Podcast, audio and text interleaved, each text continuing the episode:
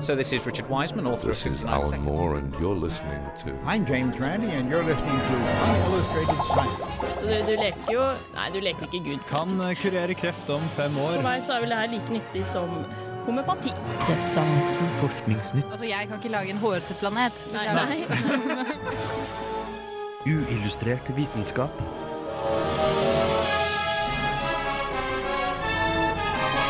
Science, it works, bitches. Kreasjonistene inntar akademika. I hvert fall ett eksemplar av Kjell J. Tveters bok 'Livet, skapelse eller tilfeldighet', som hadde forvillet seg inn i seksjonen for populærvitenskap. Uillustrert vitenskap reagerte selvfølgelig på dette, og hvordan det gikk får du høre i dagens sending, der du også får høre om gigantgalakser og glassmetall.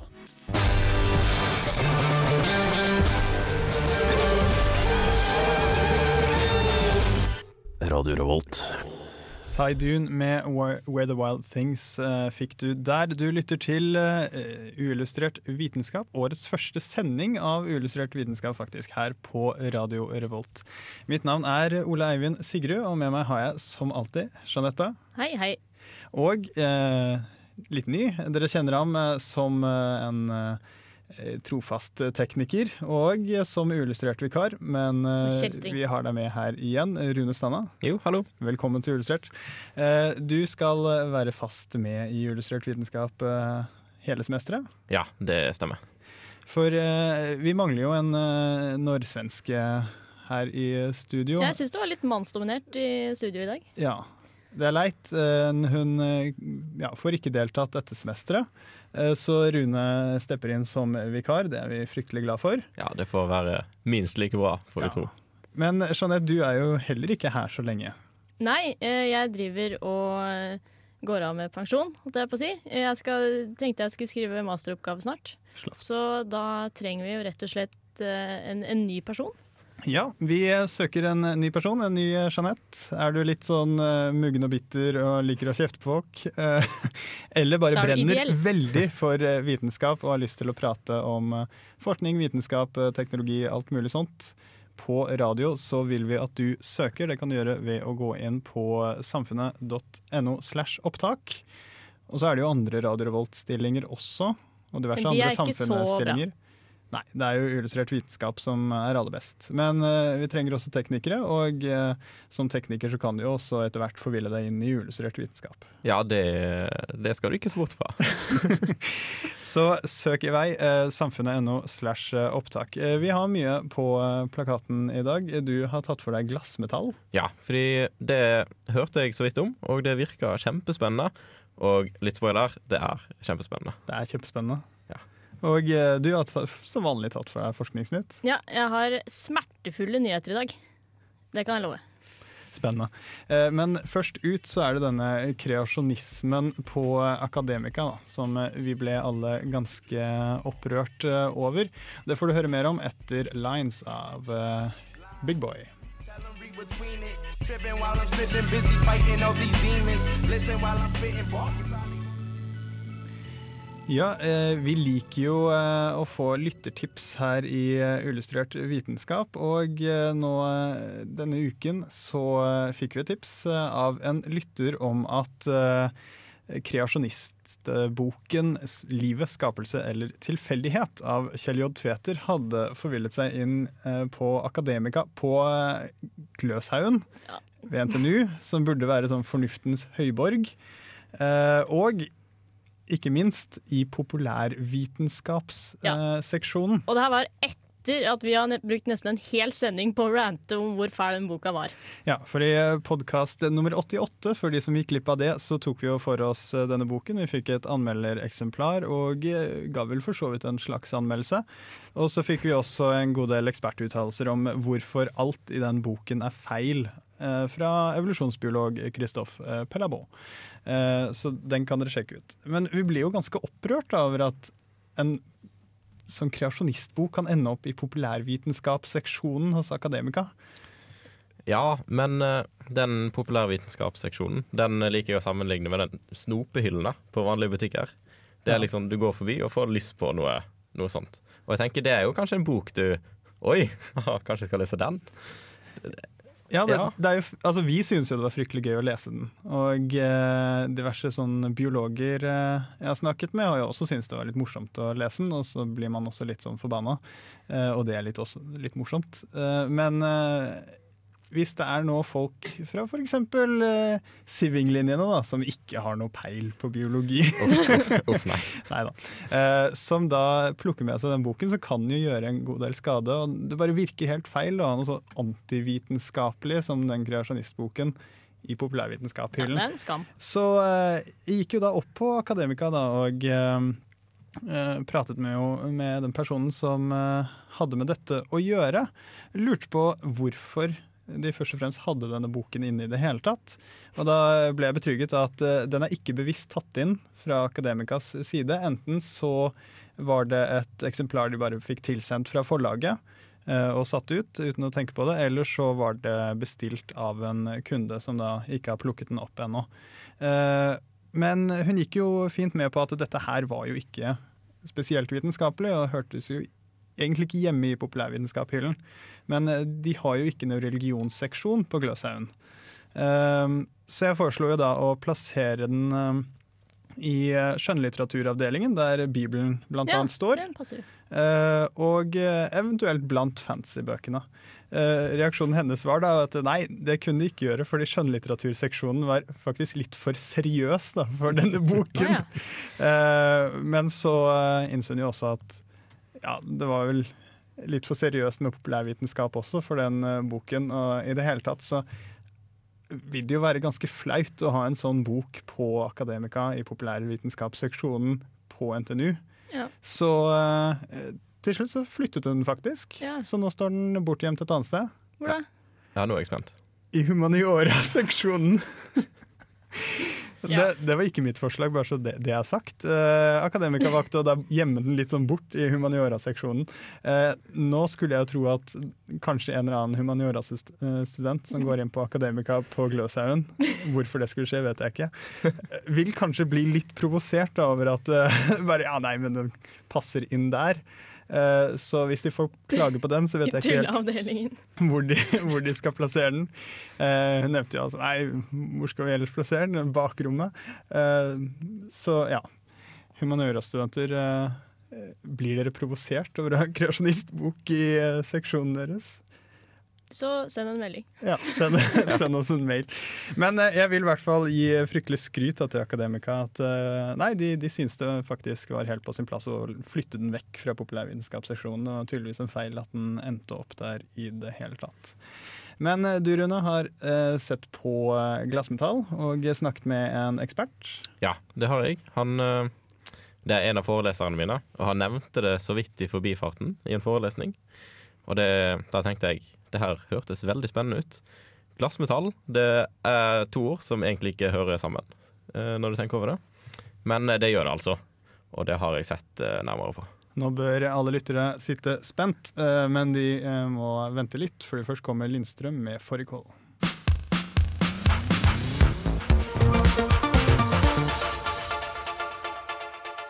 Radio Revolt. Du vet hva glass er, og du vet hva metall er. Men har du hørt om glassmetall? Det er nok ikke noe de fleste har kjennskap til.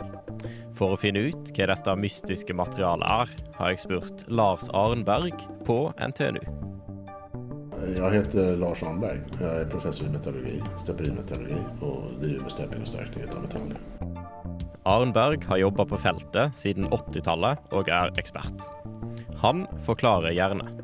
Glassmetall er jo en ut av metaller eller legeringer som ikke er kristallina. De fleste eh, metaller og legeringer når de størkner, blir jo kristallina, det Si säga de har en ordnet eh, kristallstruktur. Eh, mens eh, amorfa metaller kan ses som en underkjølt væske. Glassmetall er altså et amorft materiale, på samme måte som glass. Men å produsere glassmetall er ikke like lett som å produsere vanlig glass. Ja, glasmetall eh, lages jo ved at metallet kjøles så hurtig så at kristallisation ikke rekker å, å skje. Og hvor rask avkjøling er det snakk om?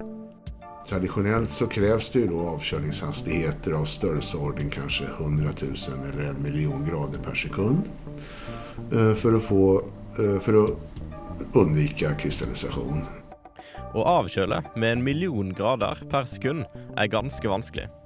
Og da bør materialet virkelig ha gode bruksområder. Ja, så hva kan du bruke glassmetallene til? Noen typer har gode magnetiske egenskaper. Mens de har ganske lav eh, elektrisk ledningsevne. Og det innebærer at de lemper seg veldig vel for bruk i transformatorer. Och den största produktionen av amorf metall eh, alltså den, som, som man har nu, det är för det föremålet. Eh, Och där, där lagras de här materialen i tusentals ton. Alltså. Har du en iPhone 5, går du rundt med en god del slike amorfe metallkomponenter i lomma. Glassmetallene har også god korrosjonsmotstand, så man forsker på å bruke de medisinske implantater fordi de ikke slites bort inne i kroppen. Dette her det et, et, felt eh, som man arbeider på på mange steder i verden og har store forhåpninger altså, til å kunne bruke de her amorfa. Så at vi eh, har innlett et, et, samarbeid med en grupp i Japan nu og kommer å kjøpe et utstyr fra dem for å kunne lage sånne her amorfa metaller her på NTNU.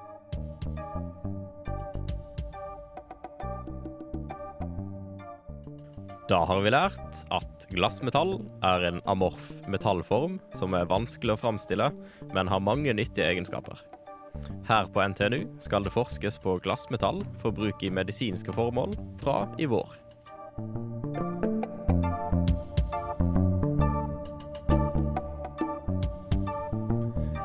Lærer noe nytt uh, hver uke her i Illustrert vitenskap. Denne uken uh, glassmetall. Et uh, eh, metall.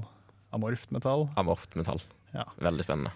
Det krevde jo en helt vanvittig nedkjøling. Eh, 100 000 til en million grader per sekund. Det høres jo helt drøyt ut. Hvordan klarer de det? Jo, altså For å avkjøle noe så fort, så må du bruke spesielle teknikker. For du kan ikke bare legge det i frysen, og så blir det kaldt med en gang. Ehm, så det de gjør da, én metode, er å eh, sprute en liten, tynn stråle ned på en roterende skive som er eh, veldig kraftig nedkjølt, enten med vann eller flytende hydrogen. Nitrogen, som er en slager. Ehm, og så spinner veldig fort, sånn at med en gang metallet treffer skiva, så forsvinner det, og kan bli fort nedkjølt. Så blir det sånn tynn, liten klatt. Ja, eller en tynn liten uh, film eller streng. Eh, men eh, hvor tynt eh, må dette bli? Ja, fordi hvis det blir for tjukt, så er det vanskelig å kjøle det ned fort nok. Eh, så en veldig stor begrensning er hvor tjukt du klarer å lage det. Og det er sånn ca. 1 millimeter er liksom grensa for det du klarer på den metoden. Eh, så hvis du skal lage det noe særlig tjukkere enn det, så må du bruke, bruke noen triks, eh, som du ofte, ofte må. Eh, ett triks er å utnytte noe som kalles the confusion effect når du lager legeringen din. Fordi Forvirre eh, legeringen litt? forvirrer lege legeringen. Du har rett og slett i så mange forskjellige legeringskomponenter, eh, forskjellige atomer, eh, sånn at når metallet skal ha lyst til å krystallisere seg, så vet ikke helt de her legeringselementene hvor de skal plassere seg for å oppnå mest mulig stabilitet. Sånn at eh, de bruker veldig lang tid på å krystallisere. Eh, det er et eh, fint triks. Fiffig. Eh, men han drev jo og nevnte implantater. Og disse, disse amorfe metallgreiene virker jo veldig veldig små. Hva slags implantater er det snakk om der? Eh, det han snakker om, var implantater som ikke blir slitt i kroppen, eh, til å bruke da for alt mulig av skruer og bolter og, og sånt som du har lyst til å putte inn i, inn i folk. Eh, men når jeg leste om det her, så kom jeg òg over en, en veldig spesiell eh, legering eh, som er, høres helt fantastisk ut å bruke i kroppen, fordi den brytes ned helt ufarlig med rundt én millimeter i måneden inni kroppen din. Sånn at du kan bruke den til når du har et beinbrudd, så kan du bruke den til å lappe sammen beinbruddet. Og så blir Så forsvinner det her legeringen etter hvert, og blir bytta ut med vanlig bein. Det er jo helt vanvittig kult. Det er helt fantastisk. Men det er vel et godt stykke inn i fremtiden, da. Det, det er nok den, eh, den standard eh, vi får se om fem år, eh, løsningen på den. Ja. Så Typisk. Eh, og så var det glassmetall i iPhone 5. ja, eh, for det blir jo brukt til masse forskjellige små komponenter som man snakker om. Men eh, Arnberg er jo ganske sterkt inne i det her glassmetallmiljøet rundt om i verden. Eh, og sa det at eh, det gikk en del rykter om at eh, selve casingen til iPhone 5 skulle lages i en glassmetalllegering. Så Apple har da avtaler med forskjellige firmaer som lager glassmetall, om å liksom få det her til. Men nå vet jo alle at iPhone 5 den er jo i helt alminnelig aluminium. Så det ble ikke noe av. Men kanskje seinere. Hvilke egenskaper eh, er det glassmetall har, da, hvis du lager en sånn casing? Altså, generelt så er det hardere enn eh, vanlige eh, metallformer. Eh, men da, er- det betyr jo òg at det er sprøere.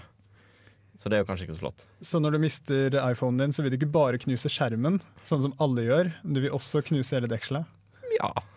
Ja, hvorfor vil Apple gjøre dette? Nei, du vet, Apple vil jo ha sånn fancy ting, så kanskje derfor.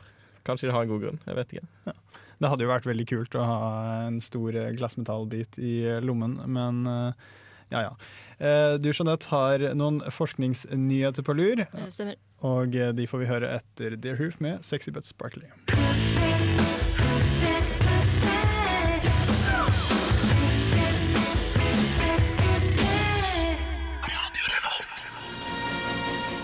Uillustrert vitenskap presenterer Forskningsnytt.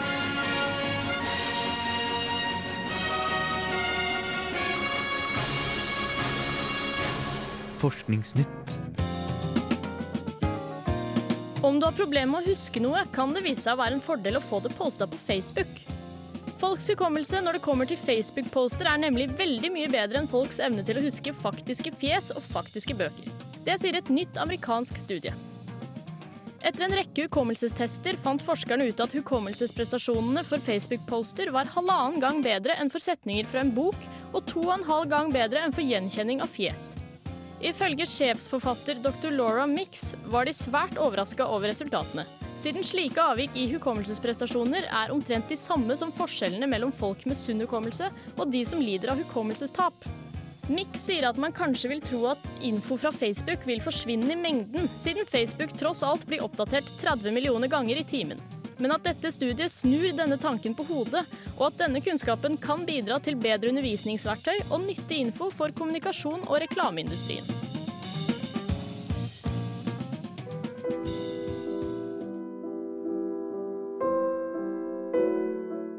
Forskere har i en lengre tid mistenkt at skalldyr som blir kasta levende i kokende vann og knebla med gummistrikk på fiskemarkeder, opplever en enorm smerte. Men smerte hos andre vesener enn mennesker er noe komplisert for forskerne å dokumentere. Nå har ny forskning kommet frem til at skalldyr med stor sannsynlighet faktisk kan føle smerte, og stiller nå spørsmålstegn ved hvordan matindustrien behandler disse dyrene. Studiet ble utført av Bob Elwood og hans kollega Barry McGee ved Queen School of Biological Sciences ved hjelp av elektriske støt. 90 krabber deltok i studiet, og det viste seg at krabbene som fikk støt etter å ha gjemt seg på et bestemt skjulested, valgte et nytt skjulested da de ble lagt tilbake i vannet. Denne villigheten til å forlate skjulestedet sitt mener Elwood er et tegn på en høy sannsynlighet for at de har følt smerte.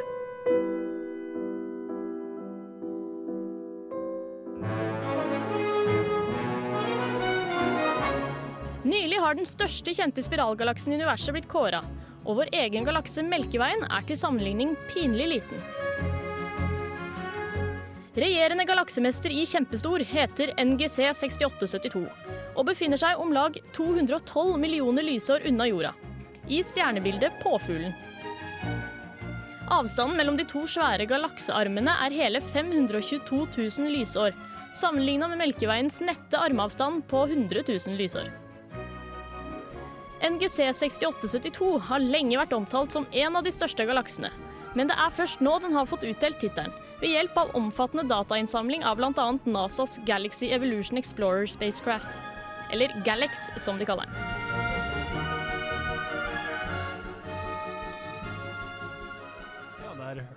Der hørte du eh, Jeanette Bø gi oss eh, ukens eh, forskningsnyheter. Og først ut så var det det at vi husker Facebook-statuser bedre enn ansikter og bøker.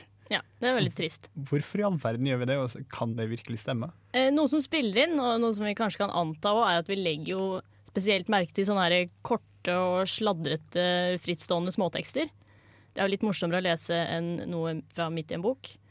Eh, men det nye er jo at eh, vi Det her antyder at hjernen er bedre til å ta inn litt mer muntlig språk, selv om det er skrevet. Og litt, litt, litt kortere og ikke så polert som det er i, i bøker. Det har nok alle erfart når de sitter og leser pensum. Ja. Eh, så, så pensum burde egentlig vært blitt fortalt litt mer sånn Og så tar du jævla atomet og putter inn i ringen, og så blir alt bra. får- eller noe sånt. Så, så tror jeg folk hadde fått med seg litt mer og, og følt seg litt mer hjemme i, i det man leser. Eh, og det er jo en med, medforfatter som eh, sier at eh, språkforståelsen vår er ikke bygd eller utvikla for å kunne takle sånn her polert og redigert tekst. Så det er jo litt, eh, det er, det er jo litt eh, spennende. Så, men det som er skummelt, er at vi må jo begynne å tenke litt nøyere gjennom hva vi skriver på, på Facebook, fordi det viser seg at vi glemmer det aldri. Vi glemmer, vi glemmer ansiktet til vedkommende før vi glemmer hva han skrev i 2007. Yes. Eh, altså det, det er jo overraskende og fryktelig spennende resultater sånn egentlig, men hvordan får man ideen om å gjøre en undersøkelse om det her og sammenligne Facebook-oppdateringer med setninger fra en bok og har- ansikter? Eh, De har ikke innrømt helt hvorfor de kom på det her, men eh, eh, jeg, jeg, jeg vil tro at de har irritert seg over at de ikke husker det de skal, men husker hva naboen spiste til middag i helga. Det kan jo òg hende at de satt på Facebook på jobben og trengte å bortforklare seg litt. Nei, vi driver på med Det studie forskning her. Og, nei, får nå se. Ja, det, jeg går for den. Ja, kanskje heller det. Eh, og så er det en eh, flott nyhet om at eh, krabber føler smerte. Hvorfor skulle man tro det motsatte? Jo, jeg eh, jeg finner egentlig ikke noen god grunn til at vi alltid bare Nei, bare kokt i levende, det er ikke noe stress. Eh, fordi det er vel rett og slett bare fordi de er såpass annerledes fra oss og andre husdyr. Altså, Vi mangler sympati for dem, da. Ja, at, eh, at jeg, jeg kan ikke føle smerte, det er som mygg. Eh, Det er noe vi, noe vi egentlig driter i. Og så er jo den litt mer vitenskapelige forklaringen er at nervesystemet deres er ganske annerledes fra eh, vårt. Eh, så da har man antatt at de ikke de føler ikke alt. Kanskje de ikke har nerver i klørne, eller det går fint. Men det har for meg alltid virket så absurd, fordi eh, Altså Én ting er det med nervesystem og slikt, men eh, vi alle har jo antagelig fisket krabber eh, fra bryggen som små, og så samlet man dem opp i en bøtte. Ja. Og hvis man la en krabbe i en bøtte med vann, så bare var den der. Den oppførte seg helt normalt. Men hvis man noensinne har sett krabber som blir kastet i kokende vann, da prøver de jo å kravle opp, og de, eh, de ja, ynker seg noe helt forferdelig mye. Og det, du ser jo at de har det ikke helt godt. Nei, de har bare panikk. Er ikke Ja. det fin forklaring? Ja. Men da er det, vel, altså, er det så viktig da om de føler smerten, eller om de på en måte opplever stress på noe annet vis? Det jeg har jeg aldri helt skjønt. Det kan jo også plutselig vise seg at eh, det er bare støt, eh, som de gjorde i den eh, testen her. At det er bare elektrisitet de føler. Det er vel den nye bortforklaringen kokkene får. Eh, vel å merke så fikk de ikke skadelig støt. Det må jeg påpeke. Det, det var bare litt, litt støt. Litt vondt. Eh, og så kan vi jo føye inn, det er ikke så fryktelig vanskelig å bare drepe den krabben rett før den eh, kastes opp i vannet. da. Nei, jeg ble tipsa om en episode fra Masterchef eh, der Gordon Ramsay blir rasende da en person prøvde å koke en krabbe levende, og dro den ut av kjelen og tok en svær sånn butch, sånn svær kniv og bare stabber den sånn eh, i magen, eller hvor det var. Det må kanskje være det første og eneste sympatiske eh, øyeblikket for den karen. Ja, ja, jeg var imponert. Positivt overrasket. Og eh, sist ut av eh, ukens største forskningsnyheter, så har de funnet den største galaksen. Ja, det var stas. Jeg hører den er stor. Ja, det var voldsomt. 522 000 eh, lysår i, i diameter. Gratulerer. Eh, takk. ja, det her var da altså NGC eh, 6872. Og det er litt sånn eh, fiffig, eh, fiffig fakta er at det er jo nesten eh, flaks eh, at de greide å finne størrelsen på den, for de har jo visst at den har eksistert. Eh, men eh, størrelsen har de fått av denne her Galax-romfartøyet, som NASA ikke gadd å finansiere mer i 2011. Eh, men så er det noen private sponsorer da, som har, jeg vet ikke hvem det er, men som har eh, trådt til og var veldig nysgjerrig på størrelsen på denne galaksen. Det var bra. Vår galakse er større enn din galakseopplegg blant forskerne. Ja. ja. og eh, for de lytterne våre som har eh, gærne teleskoper og sånn, og har lyst til å gå ut og se den, så er det jo bare å kikke i eh, påfuglen. Ja, Påfuglen. Hvor- eh, hvor er det, Jeg skjønt? aner ikke. Jeg visste ikke at det var et stjernebilde, men det er det. Påfuglen. Ja. Vi hører nå eh, Fiona Apple med låten 'Dull Tool'. Og så, siden det nå akkurat er et nytt semester som har gått i gang, så tenkte vi å gi dere noen gode eh, evidensbaserte studieteknikktips her i Julestrert, altså. Come on now, where'd you go? Where'd you go?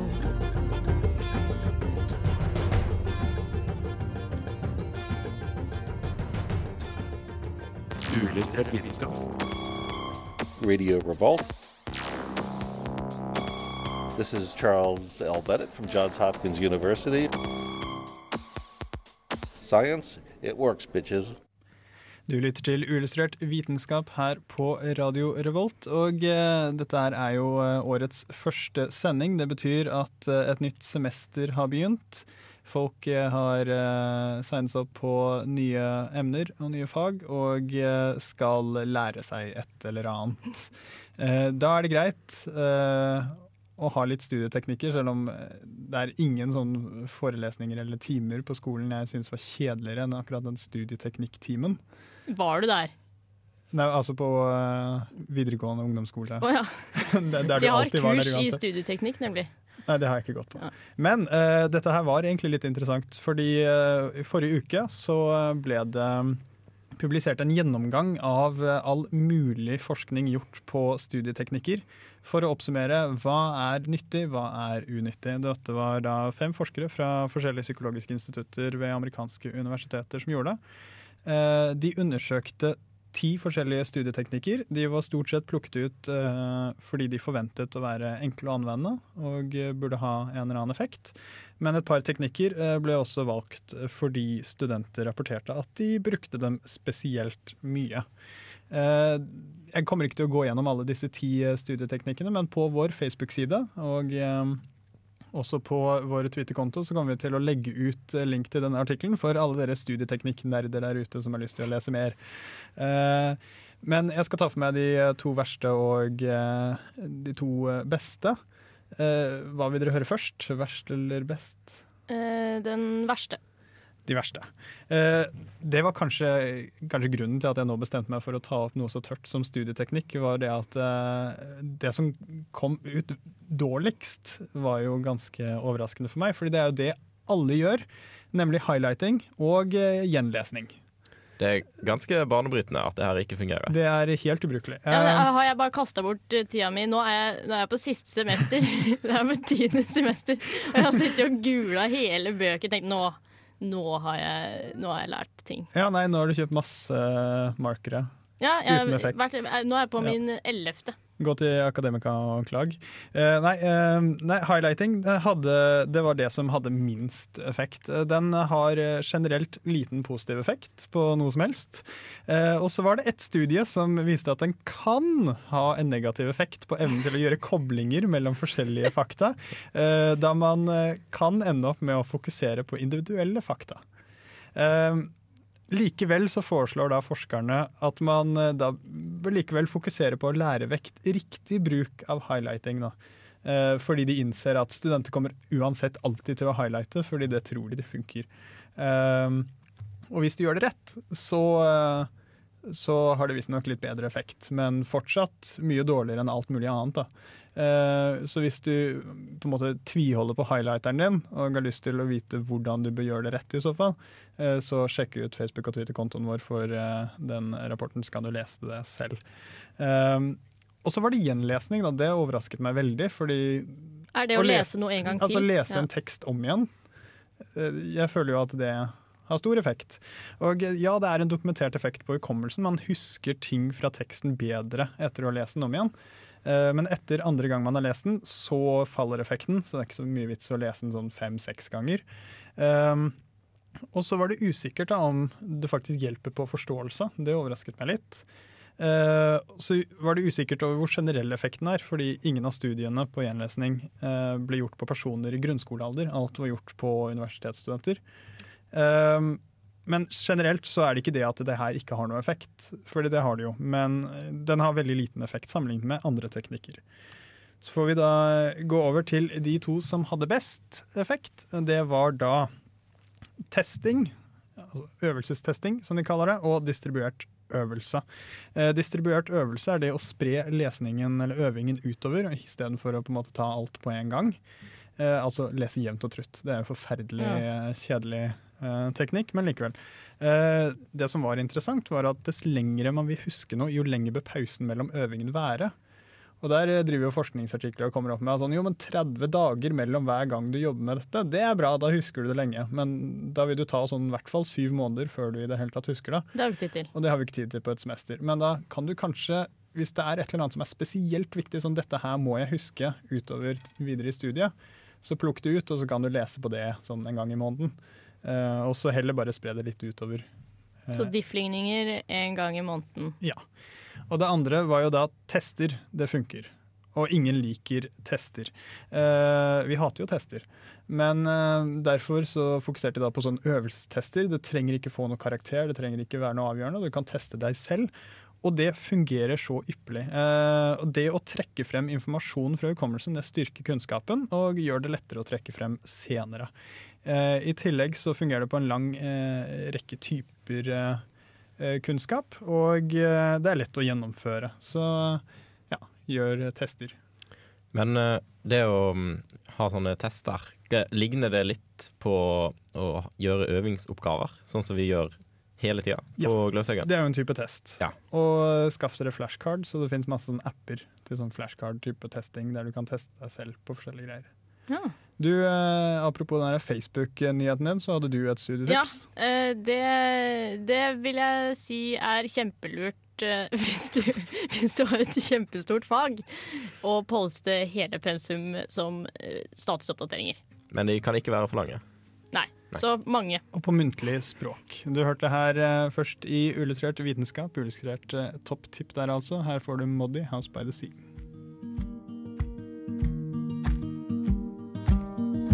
They say home is the place.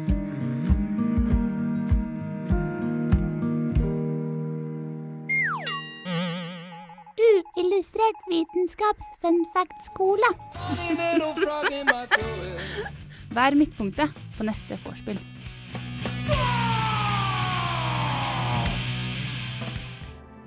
Skal jeg fortelle deg en fun fact? Glass siger. Det er egentlig en veldig tyktflytende væske, og den renner litt bare du venter lenge nok. Gamle vinduer fra middelalderen har seget litt, slik at vi kan se de er tykkere i bunn enn de er ellers. Er ikke det tøft? Feil. Dette er en myte som mange tror på. Men glass siger ikke etter at det har størkna. Glass regnes av noen som en væske, men det kommer ikke av at den flyter, men heller av den atomære oppbygningen. Men hvordan forklarer man da de gamle vinduene som har seget nedover? De har ikke beveget seg i hele tatt. I middelalderen ble glass lagd med en metode som gjorde at det aldri ble helt flatt. Av praktiske årsaker monterte man da den tykkeste delen nederst. Noen steder er det faktisk observert slike gamle vinduer som er tykkest på sidene eller øverst, som følge av sløve vindusmontører. Funfacten er da at glass ikke oppfører seg som en tyktflytende væske. Men man blir kanskje ikke midtpunktet på neste vorspiel av den grunn.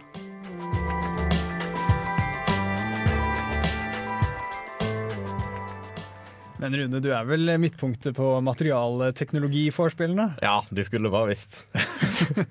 Men uh, hvordan vet man at det ikke flyter? Jo, fordi det å si at det blir plassert nederst osv., det er jo på en måte bare en en ny teori på hvorfor det er tjukkast nederst. Ja.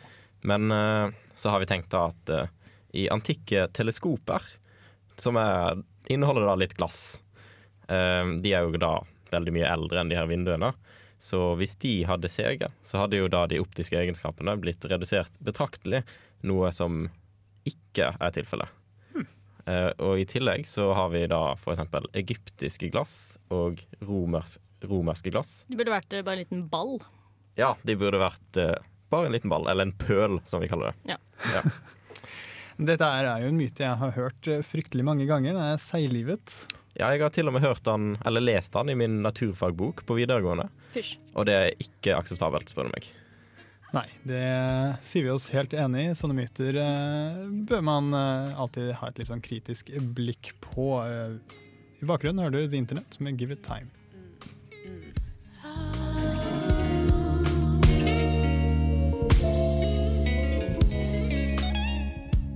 Ja, jag heter Lars Holmberg. Eh, Jag är professor i metallurgi eh, vid Institut för materialteknologi här på NTNU och du har på illus- illustrerat vetenskap.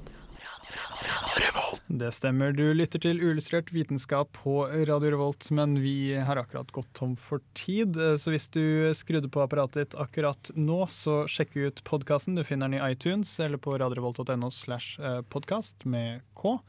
Så får vi eh, bare takke for oss, men aller først eh, så må vi jo gjenta det at vi søker en ny eh, person her i Uillustrert vitenskap. Jeanette, du har vært med lenge. Ja, vi trenger en arvtaker for og meg. Dette er gøy. Dette er gøy. Det er kjempegøy. Jeg har jobba her lenge. Det er så kjempegøy. eh, jeg hadde ikke vært her hvis det ikke var gøy. Og Rune, du har jo lenge sett på som tekniker. Det ser gøy ut. Ja, det både ser og høres gøy ut, og det er gøy. Det er det òg. Fryktelig morsomt. Eh, Det er ikke grenser på hvor mange kjente og spennende forskere vi har eh, intervjuet i løpet av de siste tre år. Og du får gjøre egentlig akkurat som du vil i dette programmet. For eh, muligheten til å forme det videre til det du synes det bør være. Eh, Så absolutt eh, søk deg inn eh, i Illustrert vitenskap på Radio Revolt eller en av de andre stillingene. Men, men når er fristen? Ja, fristen er 27. januar, hvis jeg ikke husker feil. Så søk inn det. Bare søk så fort som mulig, egentlig. Mitt navn er Oleivind Sigrud. Med meg har jeg hatt Jeanette Bø og Rune Stana. Og takk til vår tekniker Trygve Vig. Vi høres. Uillustrert vitenskap er Midt-Norges eneste teknologimagasin på lokalradio. Og vi snakker om alt fra populærvitenskap til sære forskningsprosjekt ved NTNU. Radio Revolt, studentradioen i Trondheim, er stolt av å kunne presentere podkaster fra de aller mest populære programmene våre. Hvis du har lyst til å høre mer fra Radio Revolt, hvem vi er og hva slags musikk vi spiller, så kan du høre oss på FM-båndet i Trondheimsregionen, eller streame sendingene våre live på radiorevolt.no.